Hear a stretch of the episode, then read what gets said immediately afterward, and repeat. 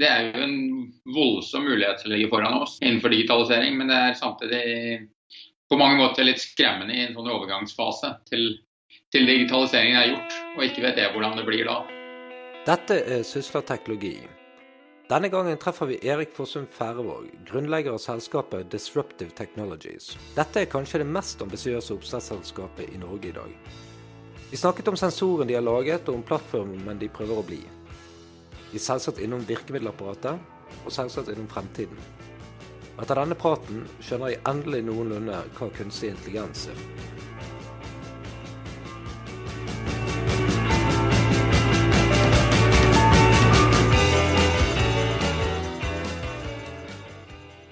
Erik Fossum Færevåg, velkommen.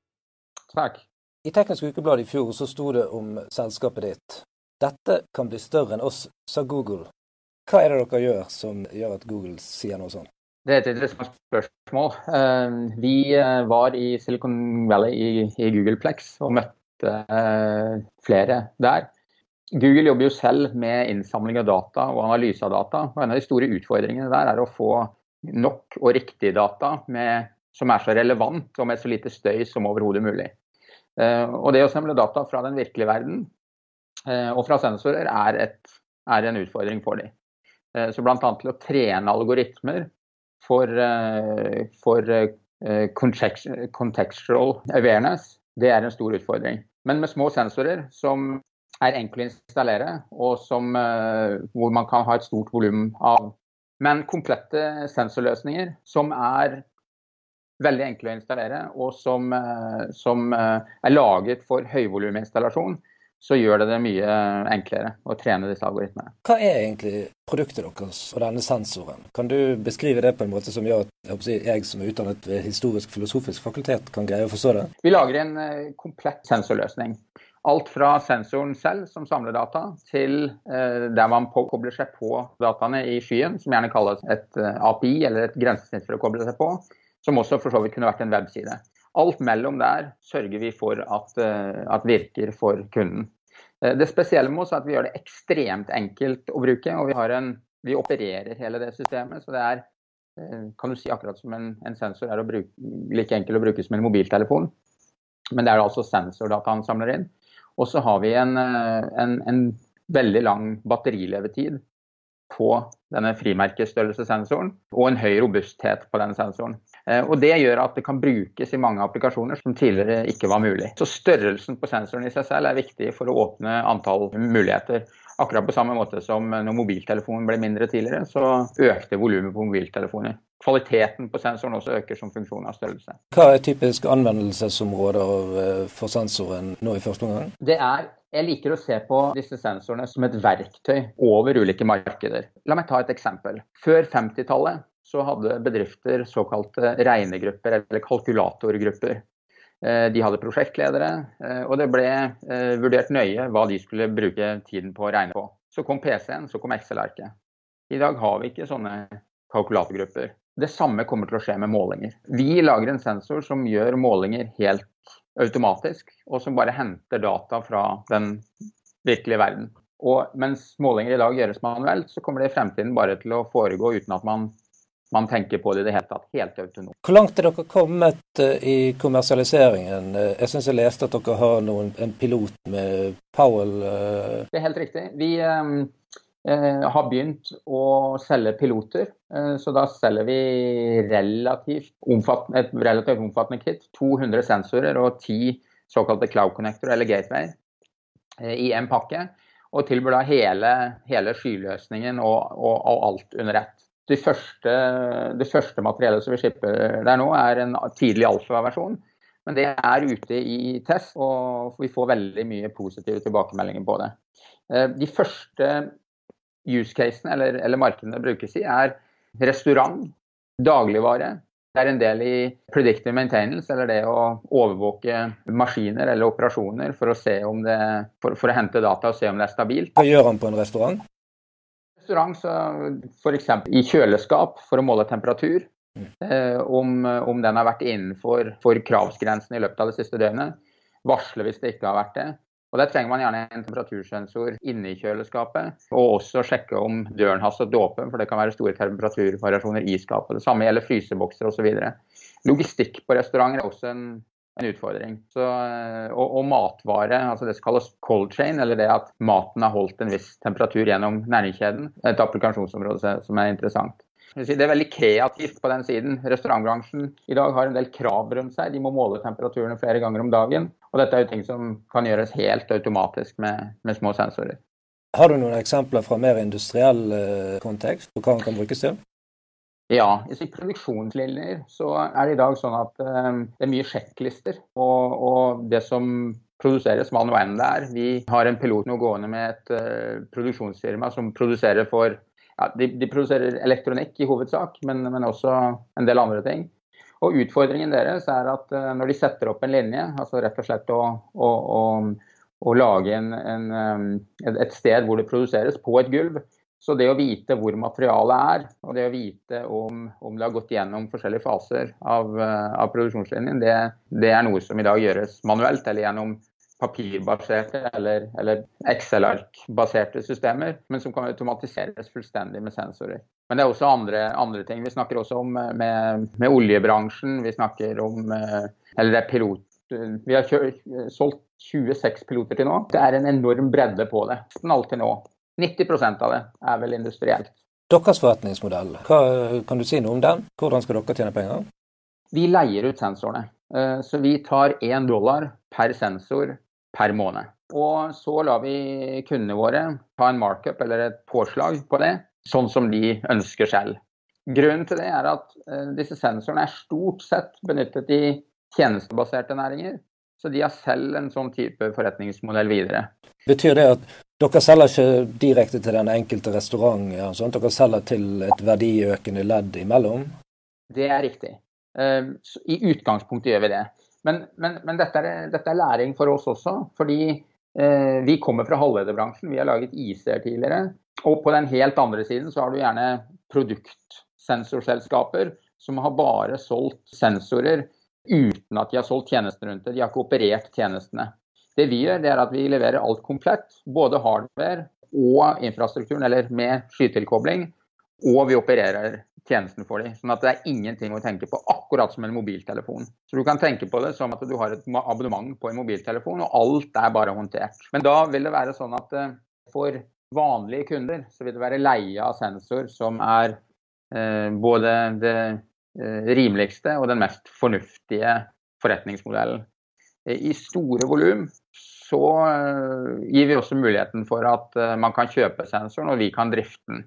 Men det er, det er mer komplekst, for da tar vi gjerne ut noen kostnadselementer som ikke er så viktige for de kundene. Og I store volum så snakker vi om eh, noen hundre tusen per år. I normale volum så er det fra 20 000 sensorer oppover per år. Da. På lang sikt er deres forretningsmodell det å være leverandør av sensoren, eller er det å bli en plattform generelt for denne type tjenester? Eller begge deler? Begge deler. Takk for spørsmålet. Det, eh, vi... Eh, vi eh, er og kommer til å fortsette å være et teknologiselskap. Så vi lager en, en og, og, det vi tilbyr, det er en, er en, plattform. Sånn som jeg ser på det vi leverer, så er vi jeg kommer litt tilbake til der vi var i begynnelsen, til, til en, en, plattform som et verktøy inn i fremtidens internett. For fremtidens internett den kommer til å trenge en del verktøy, kanskje mellom 20 og 50 verktøy, hvem vet. Kunstig intelligens er en av de, big data-lagring er et annet av de. Og sensorer, eller det å hente inn data fra verden, er et annet av de verktøyene. Og da er det også det å definere og levere den teknologiplattformen på samme måte som et operativsystem, eller Windows tradisjonelt har vært på PC-ene, det vil, det vil være sånn vi er posisjonert i forhold til våre kunder. Så alt som er markedsspesifikt, alt som er en tilpasning av plattformen, Eh, på samme måte som en applikasjon eller en software-applikasjon er det for Windows, eh, vil vi være det for sensor, en sensorplattform for sensorer. Dette er kanskje en liten avsporing i det, men siden du var inne på det. altså For meg som ikke hadde tredjeklassematte, så eh, når jeg leser om kunstig intelligens, så for, for meg så fremstår alt som en sannsynlighetsberegning på steroider. Mm. Er det noe mer enn det? Rent sånn fundamentalt? Ja og nei. I dag så er, um, er, det mye sånn som du beskriver, en, en sannsynlighetsberegning på steroider. Men det er forskjellige nivåer av det, og forskjellige måter å løse det på. Og Det som mer og mer skjer, det er det at man bygger At, at, at, en, at nevrale nettverk er en del av ut, Utgjør grunnstammen i det å bygge kunstig intelligens. Og med en gang du eh, baserer det på det istedenfor statistikk, så er det ikke en eksisterende metodikk som er i bruk. Det Systemet definerer sin egen metodikk og hvordan det skal reagere. Veldig mye av det som uh, har vært gjort tradisjonelt, har vært basert på uh, ren signalbehandling, mye, hvor det er mye statistikk. Og Det, det er mitt fag fra tidligere. Uh, det, det å, å, å, bryte ned datastrømmer i signaler, og så se på signaler hvordan de oppfører seg statistisk. Så har du også eh, noe som går på prediksjon. altså Du, går, du, du, du ser på et, et, signalsett, og så prøver du å se, kanskje visuelt til og med, uh, eller i frekvensplan, at du tar det over til hvilke toner det er i det. Hvis du hadde hørt på et piano, så hadde du hvis de signalene hadde vært fra et piano, så hadde du hørt toner. Uh, og så prøver du ut fra det å si hvordan det vil oppføre seg i framtiden. Uh, men det som kunstig intelligens mer og mer blir, det er det at det, det, det lærer selv hvordan det skal reagere på framtiden. Og det er, det er, noe nytt. Ikke noe nytt, men det er noe som er mer og mer tatt i bruk. Og noe som, som er veldig spennende oppå vår eh, plattform, og, og for, ikke bare for, for, vår plattform og sensorer, men, men generelt. Men det, men det, vi ser når vi har sett litt på det, er at det finnes veldig mange gode verktøy for å, for å begynne å ta i bruk kunstig intelligens, altså open source software. Eh, men det er det å få inn nok data til å trene dette her som ofte kan være utfordringen på det ordinære internettet eller på, eh, så er det vel vanskelig å ta igjen det dataforspranget som f.eks. Google og Facebook har nå. Eh, mens i deres felt så er det vel fortsatt en mulighet for å komme inn og bli den og få den ledelsen, da. Ja, og det de, disse selskapene er nokså inderlig klar over det forspranget sitt. Det sies at det at Google hadde og brukte data tidlig på 2000-tallet for å forbedre sine søkealgoritmer, Eh, det var en av de tingene som gjorde at Google eh, gjorde så stor suksess. Og med Tesla så har det jo også vært det. De har fått biler ut, samlet inn data som har trent disse kunstig intelligensalgoritmer på, på, på, på, autonom kjøring, um, og har da et forsprang. Og det forspranget det, det utnytter de til å få enda mer forsprang. Så det at, um, og sånn er det jo med eksponentiell vekst. Hvis man greier å opprettholde eller greier å samle nok data hele tiden til å ha et forsprang, så, så, så, så utgjør det veldig mye etter hvert. Hvis vi går tilbake igjen til, eh, til selskapet ditt, hvem anser dere som konkurrenter? Vi har titusener av konkurrenter. Eh, men det som er litt spesielt med oss, det er det at eh, vi har laget mye av den grunnteknologien som står inni de fleste av de konkurrentene. Vi har laget radio-IC-er. Vi lagde verdens første integrerte radiokrets for CMOS-teknologi, uten å gå for mye eh, inn på det. Men, men disse kretsene det, det ble eh, først brukt i Volvo V70 sine, sine nøkler. Det har blitt brukt i altså keyless car, det har blitt brukt i sensorer overalt rundt oss. Sony PlayStation game-kontrollere. De er produsert i enorme antall. Så øh, jobbet vi i et selskap som het øh, Energy Micro, hvor vi lagde verdens mest energivennlige mikrokontrollere. Uh, og disse mikrokontrollerne er også produsert i store antall, og de står inne i nesten alt av alt, alle typer produkter rundt oss i dag, og har gjort at batterilevetiden er lenger nå enn det var før. Og disse isene de brukes nå til å bygge sensorer uh, rundt overalt. Men disse sensorene som i dag bygges, er ofte ganske spesielle for det bruket de har. Eh, og de er ganske store, de er ganske dyre. De har generelt sett ikke den ikke en så høy kvalitet at det kan brukes veldig bredt. Så Det vi tilfører, er at vi lager en, en helt generisk sensor. Som både har en høy kvalitet, en lav kostnad, og som leverer på mange av de parameterne som bredden av sensorer gjør i dag. Så du finner sensorer i dag som har lengre rekkevidde enn oss, selvfølgelig.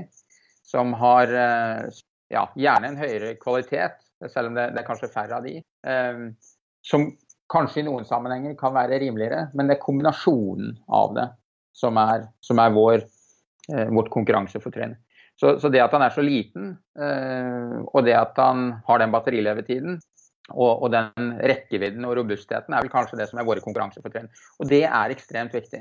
Du kan tenke deg at du kan med vår løsning kan ha 100 sånne sensorer i lommen. Du kan klistre det opp på dører og vinduer rundt deg, og, og, og, og du kan legge under oppvaskmaskinen eller på ungene dine. Og du vet da eh, alt om disse objektene eller personene eh, rundt deg. Så vi, vi gjør jo det allerede, og vi har demonstrasjoner på det rundt oss. og Det er fascinerende å se hvor overrasket folk blir, og hvor enkelt det er, og, hvor, hvor, hvor, mye informasjon eh, det gir. Hvis dette her går som dere planlegger, hvordan ser det ut for dere og for kundene deres om tre eller fem år? Det, det, for det første er det veldig vanskelig å si eh, hvordan det ser ut. Men jeg tror eh, det vi opplever, det er at, det, at, at våre sensorer brukes tradisjonelt først. Man tar Eh, noe som allerede et behov som allerede er der, kanskje som allerede da gjøres enten manuelt eller med sensor i dag. Og så begynner man å bruke det der. Men jeg tror denne typen produkter, om det er oss eller andre etter hvert, kommer til å kommer til å skape nye typer forretninger. Skape Eh, gjøre, eh, muliggjøre bruk av f.eks. kunstig intelligens. Muliggjøre bruk av si, autonome systemer, som, altså selvgående systemer, eh, uten at jeg trenger å gå spesifikt inn på hva. Men det å hente data fra, et, fra en tjeneste gjør gjerne at du kan redusere kostnaden, øke effektiviteten, bedre kvaliteten osv. Så, videre. så det tror jeg kanskje er første det første som vi vil se, eh, at det brukes eksisterende, eksisterende tjenestenæringer, eh, eller eksisterende applikasjoner og tjenester, og, og gjør det mer kostnadseffektivt og, og, tjenesten bedre. Et helt konkret eksempel på det er eh, i, i bygg og vedlikehold, hvor sensorene gjerne rett og slett bare teller hvor ofte folk har brukt toalettet.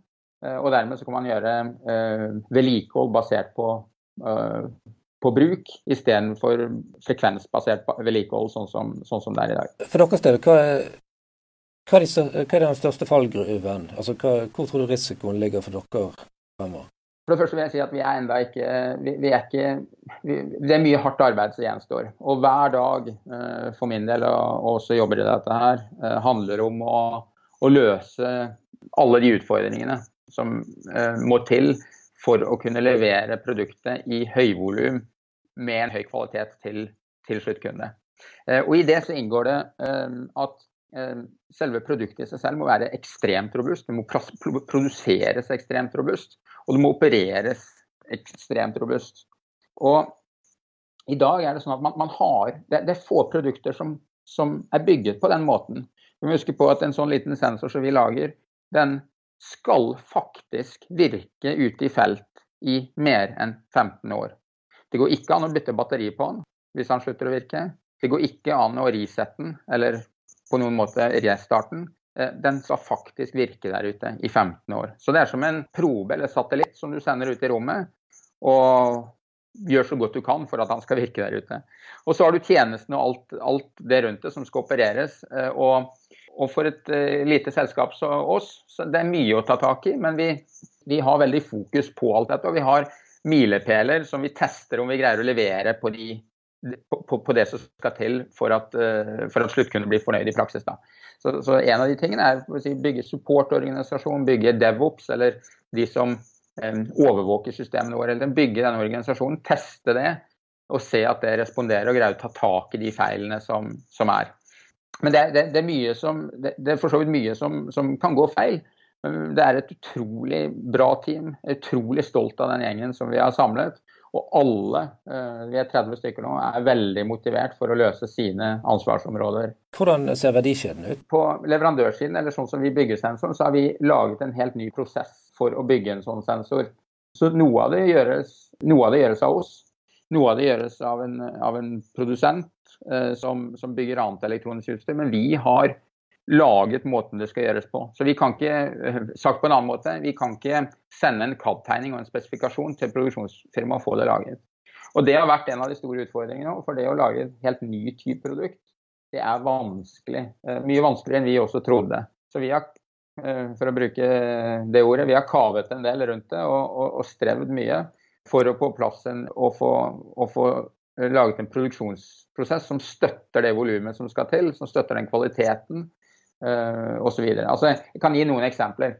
I, når, du, når, du, produserer vanligvis, så, så har du én eller flere standardleverandører av komponenter. Og så settes det sammen hos, hos deg selv eller hos en, en produsent. Og så er det er det en spesifikasjon eller tegninger som sier hvordan det skal settes sammen. Det som vi måtte gjøre, var eh, fordi vi har, hadde et ønske om å kunne produsere mer enn 10 000 i timen av disse. Og eh, vi hadde en ønske om at det skulle være ekstreme krav til kvalitet. var at vi måtte se på hvordan, hvilke sammensetninger av teknologi som finnes, og hvordan skal prosessen være for at vi kan levere på de målene.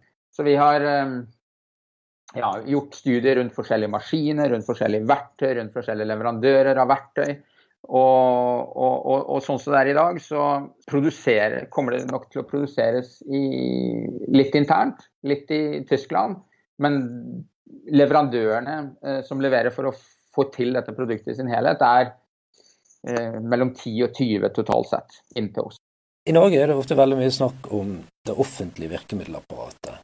Eh, mm. Og veldig mye diskusjon rundt kan si, gründerskap og nyskapning og sånt blir ofte en diskusjon om hva Man kan hevde at det ofte blir veldig snakk om hva staten skal gjøre. Har det vært viktig for dere, eh, Innovasjon Norge eller andre deler av dette såkalte virkemiddelapparatet? Er det noe dere har brukt? Vi har brukt det. Og jeg har også erfaring med det fra tidligere selskaper, og det er bra. Men det er langt ifra bra nok. Altså, det, er ikke, det er ikke det som gjør at et selskap lykkes eller kommer i gang. Det er en av 30 ulike ting i begynnelsen som du bør ha tikket av, fordi det deg Det hjelper deg litt. Det som, det som er utfordringen til et lite selskap uh, helt i begynnelsen, det er at det er så enormt mye som skal på plass. Og mye av det er ganske tungvint uh, for å få, å, å få, på plass. Det er administrasjon som kommer helt på siden av det som ellers, ellers gjøres. Og det er vanskelig å overbevise Eh, de rundt deg om at noe som blir ferdig om to år, som bare er en powerpoint-prestasjon, er, er, riktig eh, og, og, har, og at det er liv, liv, laget for det.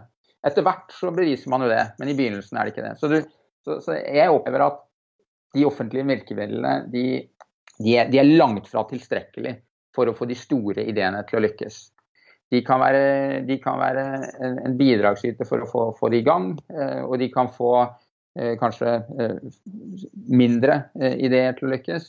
Men, men, det som man gjerne ønsker, er jo å få, å, å få, få til å bidra til at store, modige ideer som kan bidra på nasjonalt plan, uh, har en større, større um, mulighet for å lykkes. Og det, Sånn opplever jeg ikke det. Jeg har foreslått noen tiltak tidligere.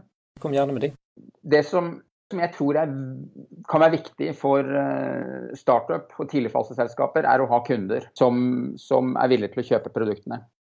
Det du opplever som et lite selskap, er at de store selskapene som, som er operasjonelle eh, og leverer eh, kanskje på de tjenestene som du skal levere inn til senere, de er ikke interessert i å snakke med startups. grunnen til det er at de er ikke satt opp for det de har gjerne intern utvikling, og de, de har ikke noe fordel gjerne med å, å jobbe med et uh, startup. Hvis det hadde vært et skatteinsentiv for det, og kanskje en konsekvens av å ikke gjøre det, at man både hadde en insentiv konsekvens, så er jeg helt sikker på at det hadde vært mange flere av, uh, av disse selskapene som hadde satset inn i den retningen. Det kunne vært noe så enkelt som at hvis de kjøpte produkter av et oppstartsselskap, så fikk de tilsvarende eller en, en um, eller et antall ganger det beløpet de hadde kjøpt for, eh, tilbake på skatten. Så du tenker som at dette blir rubrisert som FoU-midler? Ja, så f.eks. IFU-søknaden eh, som tilbys, den er jo eh, et veldig godt og, og, og, og, veldig riktig virkemiddel. Men den er typisk ikke aktuell før du er på pilotstadiet. Og så har du eh, en del rent forskningsrettede midler, BIA f.eks., som vi har søkt på tidligere. Eller EU-søknad, som vi har fått gjennomslag for. Eh, hvor det er betydelige midler, men som er veldig eh, det er vanskelig å få, og det er, det er, det er forskningsrettet. Det er et begrenset antall av oppstartsselskaper som kan være veldig forskningsrettet. Mens det, å, eh, mens det å stimulere til et samarbeid med eksisterende selskaper som, som allerede er operasjonell, har eh, distribusjon, eh, validerer produktet på mange måter, og behovet, validerer markedet. Jo tidligere du kan komme i gang med det, jo bedre er det. Og, det er jo en enorm skala på det. For hvis et lite selskap med bare et par ansatte får omsetning, så skal det ikke så veldig mye til for at det, for at det gir nok inntjening til at det, kan, at, at det oppstartsselskapet kan, kan, komme på beina. Men det er det å komme i gang og få momentum i begynnelsen er en kjempestor utfordring. Vi har vært heldige der, og, og, og jeg tror nok hovedgrunnen til det er at vi, vi har et, et, produkt i tiden, da, for å si det sånn. Og, noe som folk opplever som, som, som veldig forståelig. Men det er veldig mange produkter som ikke er det. Eh, men det, men det, kan være vel så viktige produkter for en industri eller en næring eh, som det vi driver med. Sånn, sett fra ditt ståsted, Er det noen spesielle sektorer eller områder du I forkant av dette så snakket du litt om fremtidens internett eller digitalisering. mange ord for dette, men Er det noen felt du ser eh, Norge har spesielle fortrinn vi bør utnytte? Eller spesielle problemer vi bør utnytte til vår fordel? Ja, altså det har vært eh, Jeg har jobbet i Texas Instruments. Jeg har snakket med veldig mange eh, ulike folk og startup over hele verden. og Det det snakkes mye om, er hvilke kompetanse og hvilke ressurser du har tilgjengelig der du er, og hvorfor du, hvorfor du er det stedet du er. Og Det som går igjen, og det som jeg også opplever, er at i Norge så er vi faktisk ekstremt kompetente på høyteknologi. Og, og jeg kjenner det særlig fra halvlederbransjen. Du har Nordic, si. Du har Atmel, du har Energy Micro fra tidligere selskap som nå har kjøpt opp av Silabs, som er i Oslo. Det er også, det er også andre masse eh, flinke folk eh, innenfor halvleder, eh, og det er en viktig teknologi for framtiden. Det er, det, som, det er den teknologien som lager prosessorer og, og, og radioer og osv. Mye av det som står i mobiltelefoner og PC. Også innenfor software eller ingeniører, masse, masse dyktige folk. Og, og dette, er jo, dette er jo fundamentet i det som senere kommer til å bli internett. Og som også er det i dag, men som antagelig kommer til å fortsette å bli det i framtiden. Og jeg tror eh, det er ganske stor enighet om hvilken retning internett tar. Og det er at eh, internett, som den skal man kalle det, en, det er jo en, en, en, global, uendelig, nesten gratis infrastruktur for informasjon.